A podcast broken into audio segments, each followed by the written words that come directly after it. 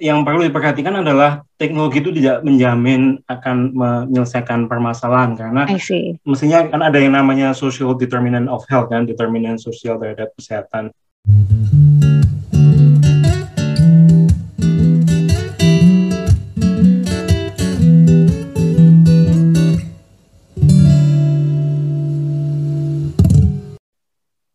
Ketemu lagi di Relatif Perspektif Podcast bersama saya, Aji Mutiah Nur Azizah yang akrab disapa Cica. Masa pandemi yang memberikan situasi sulit untuk kita secara tidak sadar membukakan banyak pintu dan perkembangan pesat akan banyak hal dalam kehidupan kita. Salah satunya adalah pengembangan teknologi. Terlebih pada era digital saat ini, peran teknologi merupakan hal yang sangat penting.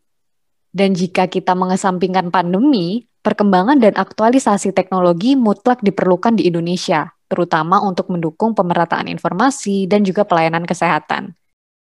Perkembangan dan aplikasi teknologi diharapkan dapat menjadi solusi untuk isu di masa mendatang. Salah satunya adanya kecerdasan artifisial atau yang kerap kita kenal sebagai artificial intelligence. Nah, kira-kira bagaimana sih teknologi itu bisa berperan dalam bidang kesehatan? Kali ini kita akan berbincang dengan seorang researcher di bidang Human Computer Interaction yang berfokus di Digital Health Equity dari Harvard University, Mas Herman Saksono PhD. Halo Mas Herman. Halo, apa kabar? Baik-baik Mas Herman. Gimana kabarnya di Boston sana Mas? Masih lock, enggak lockdown sih ya, tapi masih social distancing, jadi masih di rumah terus gitu. oh oke, okay. jadi ini kesibukannya dari rumah ya Mas? Iya kerjanya jadi rumah jadi ya seperti di Indonesia lah semua meeting lewat Zoom gitu. I see. Oke okay, oke. Okay. Mas Herman, ini kita mau ngobrol-ngobrol nih Mas tentang teknologi di bidang kesehatan nih ya Mas. Mm-hmm. Nah, mm-mm. menurut Mas Herman gimana sih Mas kesenjangan dan ketidakmerataan informasi maupun pelayanan kesehatan saat ini gitu? Sebagai pendahuluannya nih Mas. Iya iya iya sebenarnya kalau dari kesehatan kan bisa dari segi pasien dan bisa dari segi tenaga medis. Kalau dari sisi pasien kan sebetulnya memberi informasi aja kadang nggak cukup ya karena kalau familiar dengan trans theoretical model of behavior change kan tahapannya orang perlu mendapat informasi bahwa perilaku kesehatan itu perlu misalnya pengecekan mamografi untuk mencegah kanker payudara. Tapi orang kalau diberi informasi bahwa sebuah perilaku kesehatan itu penting, orang itu tidak dijamin akan melakukan perilaku itu gitu. Jadi orang biasanya masih ragu-ragu dulu perlu nggak sih? Jadi perlu persuasi, perlu narasi pentingnya melakukan perilaku kesehatan itu. Lalu habis itu orang juga perlu masuk ke tahap persiapan yaitu mulai kalau misalnya mamografi ya berarti gimana sih langkah-langkah ke dokter itu mesti ngapa aja gitu. Dan kemudian tahap akhirnya baru orang mencari kesehatan. Dan dari sisi pasien, teknologi itu berperan besar untuk menghubungkan banyak orang kan. Ada WhatsApp group, ada Zoom, ada social media. Dan melalui teknologi orang itu bisa saling sharing pengalaman mendapatkan pelayanan kesehatan. Misalnya kalau cek kesehatan tuh langkah-langkahnya seperti ini, lalu manfaatnya seperti ini. Lalu setelah cek kesehatan rasanya jadi lega, jadi bahasa Jawanya tuh ayam gitu, jadi tenang dan teknologi bisa mendukung informasi seperti ini ditukar dan ini penting sekali karena kita manusia itu kan makhluk sosial ya. Jadi orang di sekeliling kita tuh sangat berpengaruh terhadap perilaku kita. Sebagai contoh saya pernah baca studi yaitu gimana caranya mempromosikan mamografi gitu. Riset ini membandingkan antara informasi diberikan oleh tenaga medis dan satunya lagi diberikan oleh orang biasa gitu. Dan ternyata kalau informasi diberikan secara orang biasa dengan bahasa yang santai gitu, orang lebih teryakinkan untuk mengikuti perilaku kesehatan itu. Itu di segi pasien, kemudian di situ peran teknologi saya rasa di situ. Di sisi institusi dan dari sisi tenaga medis, teknologi bisa membantu proses diagnosis, bisa membantu persiapan obat, kemudian bisa membantu proses konseling, atau telemedicine yang sekarang lagi mulai populer. Yeah. Kemudian di level public health ada surveillance untuk mendeteksi permasalahan kesehatan. Oke, jadi sebenarnya permasalahannya itu timbulnya karena mungkin ada gap gitu ya Mas ya antara dari tenaga medis kemudian kepada orang awam kayak gitu ya. Kemudian pemanfaatan teknologi ini yang ternyata sebenarnya sangat penting gitu ya Mas ya. Iya, jadi saya tadi lupa membahas ini. Jadi yang perlu diperhatikan adalah teknologi itu tidak menjamin akan menyelesaikan permasalahan karena mestinya kan ada yang namanya social determinant of health kan, determinant sosial terhadap kesehatan. Hmm. Dan ini kadang-kadang permasalahan mendasar yang tidak bisa diselesaikan dengan sembarang teknologi kesehatan. Jadi langkah pertama yang harus dilakukan adalah gimana caranya menggunakan teknologi untuk mengurangi permasalahan yang ditimbulkan oleh determinan sosial kesehatan. Oke, tadi sebenarnya cakupannya berarti sebenarnya cukup luas ya Mas ya untuk pemanfaatan teknologi itu sendiri di dalam bidang kesehatan. Termasuk salah satu faktornya dari diri kita pribadi itu kan sebagai penjaga utama kesehatan itu ya Mas ya. Mampu nggak sih sebenarnya teknologi itu mendukung perilaku kesehatan itu sendiri? Jawabannya nggak tentu. Jadi apa okay. ya? perilaku kesehatan itu kan sebagian tanggung jawab kita, namun kadang-kadang ada kekuatan yang di luar kendali kita yang menghalangi kita untuk hidup sehat gitu. Misalnya di riset saya itu kan saya memakai teknologi fitness sensor untuk membantu orang berolahraga gitu ya. Idenya kan kalau orang bisa tahu berapa langkah dia jalan setiap hari, dia akan lebih termotivasi gitu. Dan saya melakukan studinya dengan orang miskin di Amerika Serikat. Dan kenyataannya adalah walaupun mereka punya alat teknologi ini, tapi ada banyak sekali masalah sosial yang mereka hadapi sehingga mereka untuk berolahraga aja susah gitu. Misalnya ibu tunggal gitu. Dia harus ngurusi anaknya, dia harus kerja, kemudian dia juga harus ngurus tanggung jawab rumah tangga, berarti mencuci, masak, membersihkan rumah. Dan masalah yang ditimbul karena status sosial ini kadang lebih powerful, lebih kuat untuk menghalangi orang berolahraga gitu. Jadi memberi teknologi saja tanpa menyentuh masalah yang lebih mendasar itu kadang-kadang teknologinya jadi nggak mempan gitu.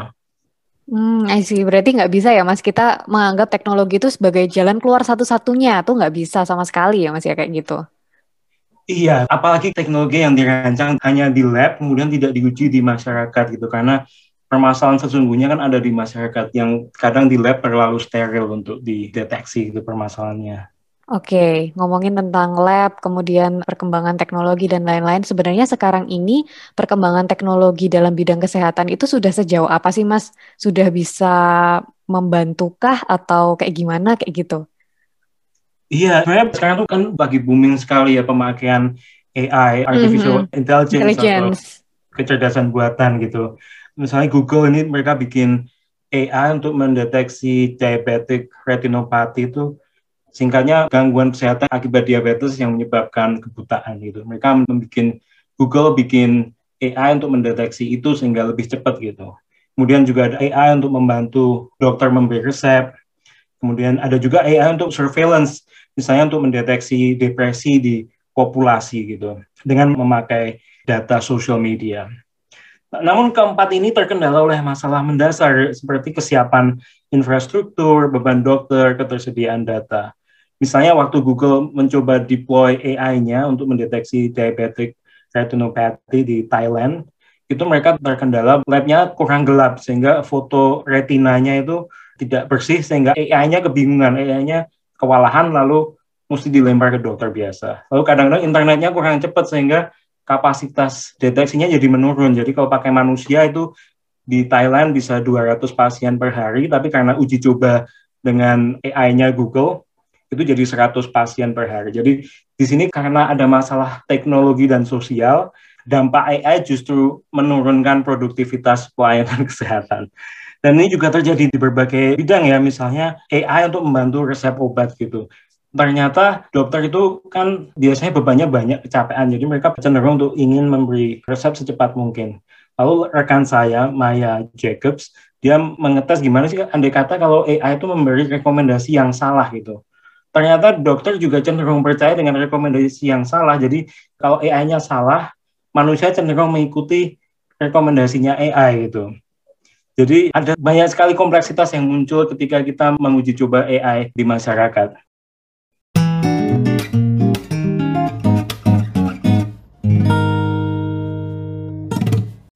Oke, jadi sebenarnya kalau ngomongin AI tadi kan kita harapannya itu kan dia bisa membantu manusia yang sifatnya itu bukan mesin gitu ya Mas ya. Tapi iya. ini bisa dibantu oleh mesin gitu. Tapi ternyata itu tidak menyelesaikan disparitas masalah kesehatan itu ya Mas ya. Terus kalau misalkan ngelihat dari yang Mas Herman tadi jelaskan juga, ternyata dengan adanya AI itu tidak menghilangkan semacam bias yang ada pada tenaga medis gitu ya Mas ya. Kadang kita malah ikut mempercayai misalkan AI-nya ini bilangnya salah gitu, terus kita mengikuti itu gitu. Iya, dan akar permasalahannya adalah tenaga medis itu kecapean gitu. Hmm. Teman saya kan bikin studi kuantitatif lalu kualitatif. Setelah interview dengan dokter ternyata ya tenaga medis itu kecapean sehingga terus ya mungkin gitu ya kalau bisa lebih cepat kenapa tidak gitu walaupun ternyata rekomendasinya dari AI salah. Oke, berarti sebenarnya artificial intelligence itu sudah semakin berkembang ya Mas ya di bidang kedokteran gitu. Tadi Mas Herman juga menjelaskan tentang diagnosis penyakit, kemudian ada juga yang pelayanan dan terapi kayak gitu sampai persepan, terus juga yeah. tentang epidemiologi, terus abis itu pengolahan data persebaran penyakit hingga kayak mendeteksi permasalahan kesehatan di suatu komunitas kayak gitu. Nah, kiranya sebenarnya peran itu tuh nanti bakalan gimana ya Mas dibandingkan dengan peran ketika ada tenaga medis saat ini? Mungkinkah akhirnya si AI itu nanti menjadi bukan hanya assistance kita tapi justru mereka yang mengambil alih kayak gitu. Mungkin nggak Mas? Menurut saya susah ya. Mungkin AI itu bisa menggantikan kegiatan-kegiatan yang lebih sederhana gitu. Tapi mm-hmm. intuisi lalu keahlian manusia tuh untuk saat ini masih belum tergantikan dan kita saat ini kayaknya masuk dalam fase kedua AI gitu. Jadi fase pertama tuh saat di mana kita menemukan berbagai inovasi baru dengan AI. Kemudian saat ini kita lagi mulai mengupas masalah-masalah yang muncul ketika pakai AI atau ketika pakai kecerdasan buatan. Jadi mungkin suatu saat nanti kita menemukan sebuah model di mana AI dan manusia itu bisa bekerja sama dengan optimal gitu. Tapi kita saat ini belum nemu modelnya seperti apa.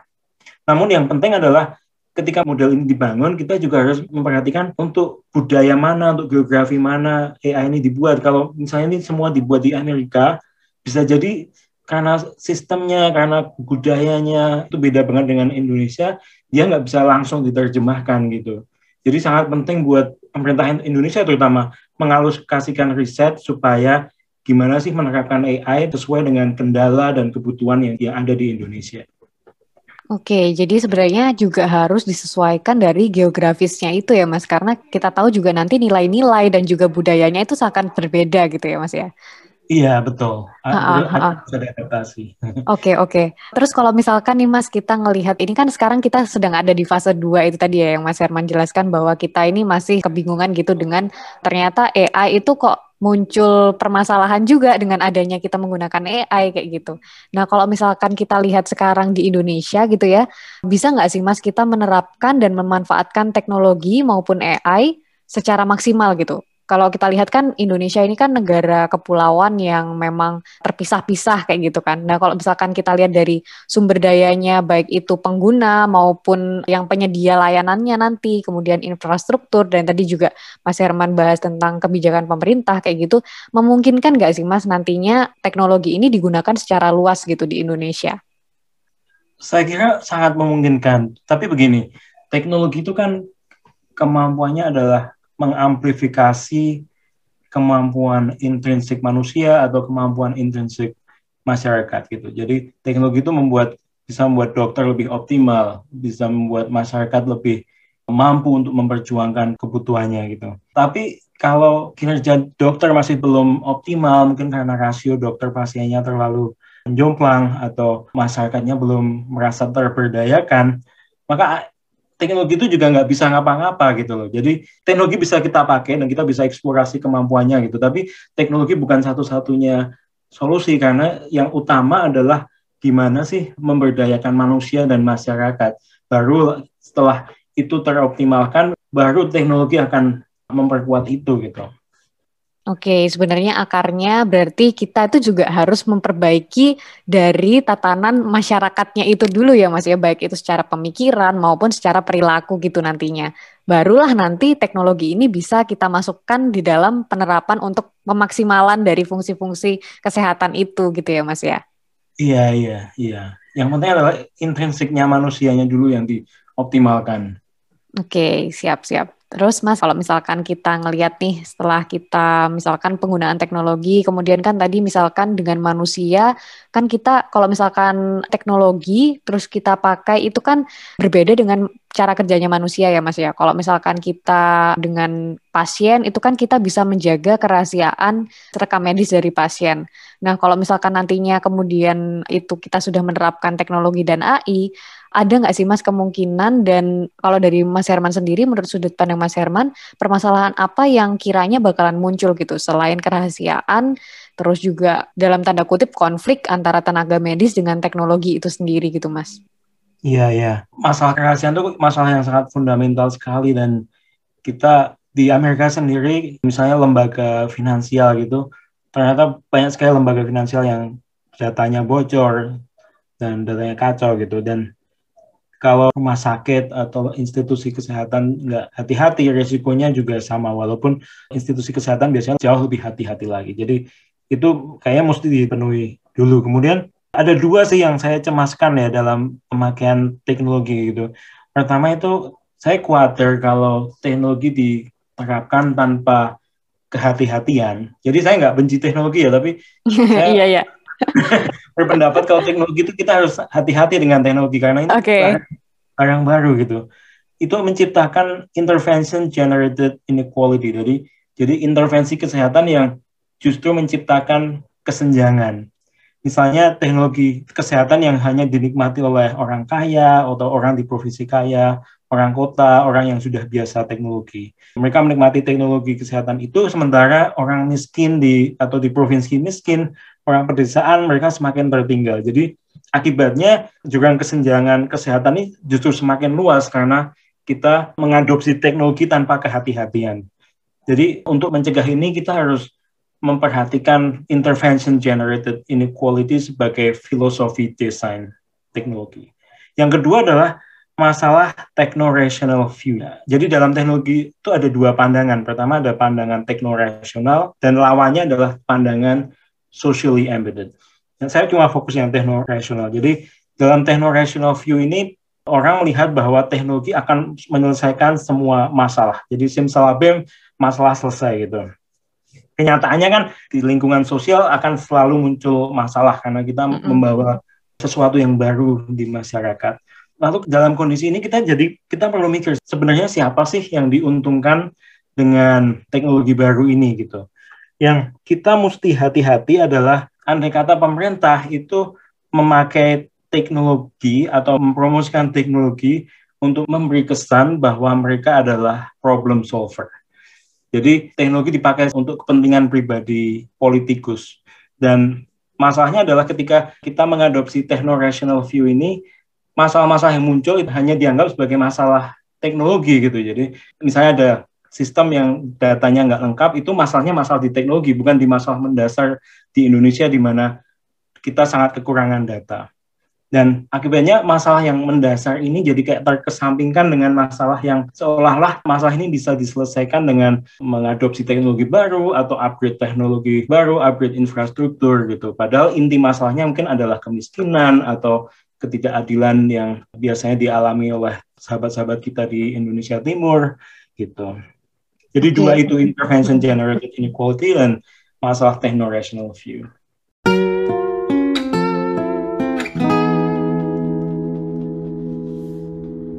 Oke, ada dua kekhawatiran ya Mas ya, dua iya, kekhawatiran yeah, yeah. yang sebenarnya muncul gitu ketika nantinya kita benar-benar memanfaatkan teknologi dalam bidang kesehatan. Yang pertama adalah ternyata nantinya akan justru menambah jurang yang semakin jauh gitu ya Mas antara orang-orang yang di kelas atas dan orang-orang yang tidak tersentuh gitu dengan kesehatan itu semakin jauh kayak gitu dengan adanya teknologi. Kemudian yang kedua tadi tentang ini ya Mas, techno rational view ya. Dari situ juga ternyata kita harus nggak serta merta nih menganggap bahwa teknologi itu merupakan sebuah solusi yang tadi Mas Herman bilang simsalabim gitu ya. Jadi uh, jadi solusi untuk kita semua gitu, menyelesaikan semua masalah yang ada kayak gitu. Kita nggak bisa mengeneralisir itu gitu, karena ternyata akan banyak sekali hal-hal yang mungkin harus dipikirkan kembali gitu ya Mas ya. Terus yeah. kalau misalkan nih Mas tentang artificial intelligence itu sendiri, kalau misalkan di tengah pandemi seperti ini tuh apakah dia ini semakin berkembang ya Mas ya. Dan teknologi itu apakah semakin berkembang dengan adanya kondisi pandemi seperti ini?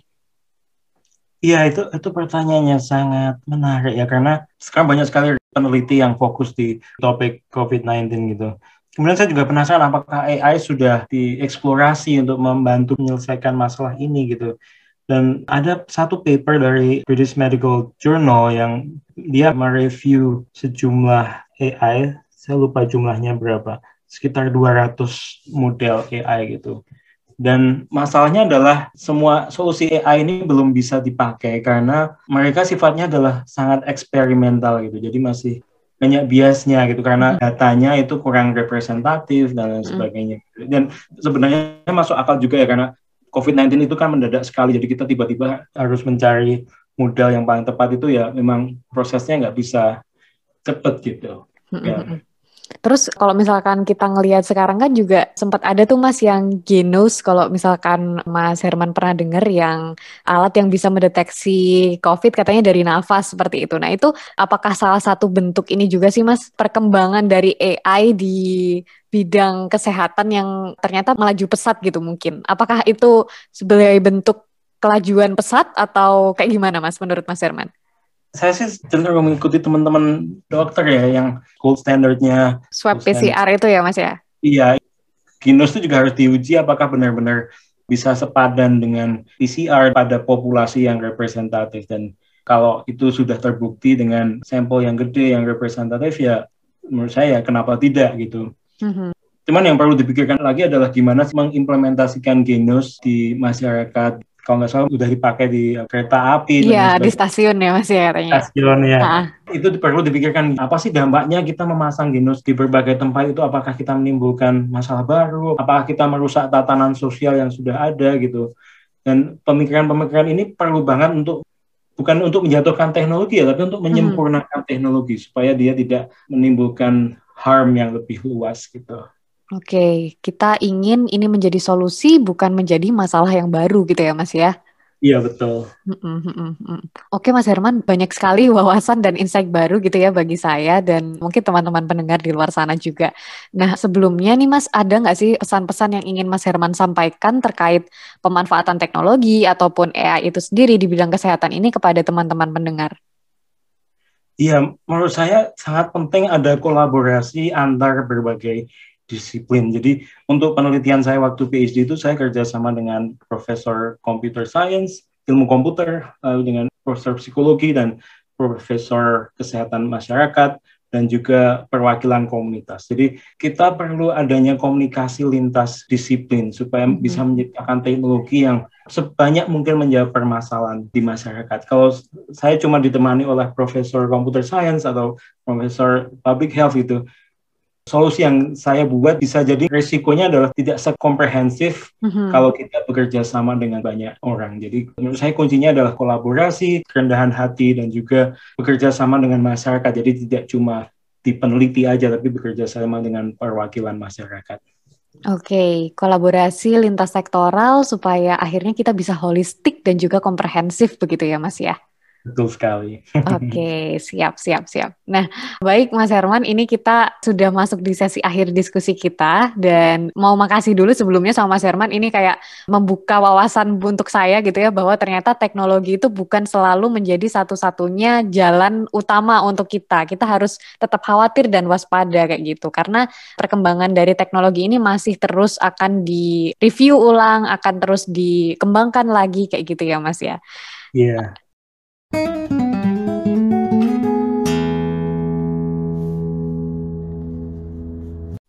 Mas, kita boleh nggak Mas minta rekomendasi film dan juga buku? Jadi di tiap akhir episode tuh kita biasanya minta nih rekomendasi film dan buku dari narasumber kita. Barangkali bisa jadi tontonan di akhir pekan atau teman di sehari-hari kayak gitu Mas. Ada nggak sih Mas film yang highly recommended gitu? Kalau film, saya rekomendasi serial TV boleh nggak? Boleh, boleh banget Mas. Saya suka banget dengan serial baru di Disney Plus namanya WandaVision karena selain dari serialnya emang bagus, tapi serial itu juga mengeksplorasi saya nggak mau spoiler tapi mengeksplorasi pentingnya kebugaran jiwa dan pentingnya masyarakat memahami bahwa kebugaran jiwa itu bukan sesuatu yang remeh-temeh. Oke, okay. gitu. di tengah kondisi masyarakat yang seperti ini ya Mas ya. Iya, iya. Oke. Okay. Vision ya Mas ya tadi yeah. untuk filmnya. Kemudian kalau misalkan buku Mas kira-kira ada nggak yang direkomendasikan untuk teman-teman pendengar? Ini bukunya lebih ke teknologi ya, tapi ini sangat berpengaruh dalam saya melihat permasalahan itu. Ini bukunya Kentaro Toyama, dia profesor di University of Michigan School of Information. Dia dari MIT, kemudian ke Microsoft Research Judul bukunya adalah Geek Heresy, Rescuing Social Change from the Cult of Technology. Jadi buku ini mengeksplorasi seperti yang tadi saya sampaikan, beberapa ide yang saya sampaikan dari buku ini bahwa teknologi itu hanya bisa sukses kalau masyarakatnya sudah memiliki potensi intrinsik. Jadi fungsi teknologi adalah mengamplifikasi masyarakat dan mengamplifikasi kemampuan intrinsik manusia gitu. Jadi ini sangat penting buat teman-teman yang tertarik dengan teknologi atau dokter atau pekerja kesehatan yang tertarik dengan teknologi ini menurut saya akan membantu kita menempatkan teknologi pada tempat yang paling optimal dan ketika kita menempatkan teknologi di tempat yang paling optimal maka teknologi akan memberikan dampak yang paling luas untuk masyarakat. Oke, kayaknya ini perlu banget dibaca nih. Tadi maaf Mas, penulisnya siapa Mas? Boleh di ini? Kentaro Toyama. Kentaro Toyama. Oke, okay. Kentaro Toyama, Geek Heresy ya Mas ya. Iya. Rescuing yeah. Social yeah. Change from the Cult of Technology. Oke. Okay. Siap. Akan kami catat Mas Herman. Terima kasih atas rekomendasinya. Terima kasih juga udah diundang nih saya. Iya. Oke, iya. Akhirnya sayang sekali ya Mas kita berada di sesi akhir diskusi yang ternyata sangat bermanfaat buat saya dan semoga juga ini bisa bermanfaat untuk teman-teman pendengar. Sebelumnya saya mau ucapkan makasih banyak kepada Mas Herman yang sudah meluangkan waktunya untuk berbagi bersama kami. Makasih banyak ya Mas. Iya, sama-sama. Terima kasih sekali juga udah diundang di sini. Oke, semoga segala pembahasan tadi bisa memberikan ilmu baru untuk kita semua dan Mas Herman selalu diberikan kesehatan. Sama-sama, terima kasih.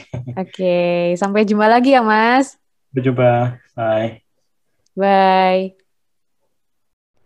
Relatif Perspektif Podcast adalah podcast yang bertujuan menjadi jembatan agar masyarakat luas paham akan isu kesehatan. Visi kami supaya kesehatan tidak lagi eksklusif hanya dibicarakan mereka yang menggeluti profesi sebagai tenaga medis saja. Episode baru akan terbit setiap hari Minggu. Temukan kami lebih jauh di Instagram dan Twitter @relativepers.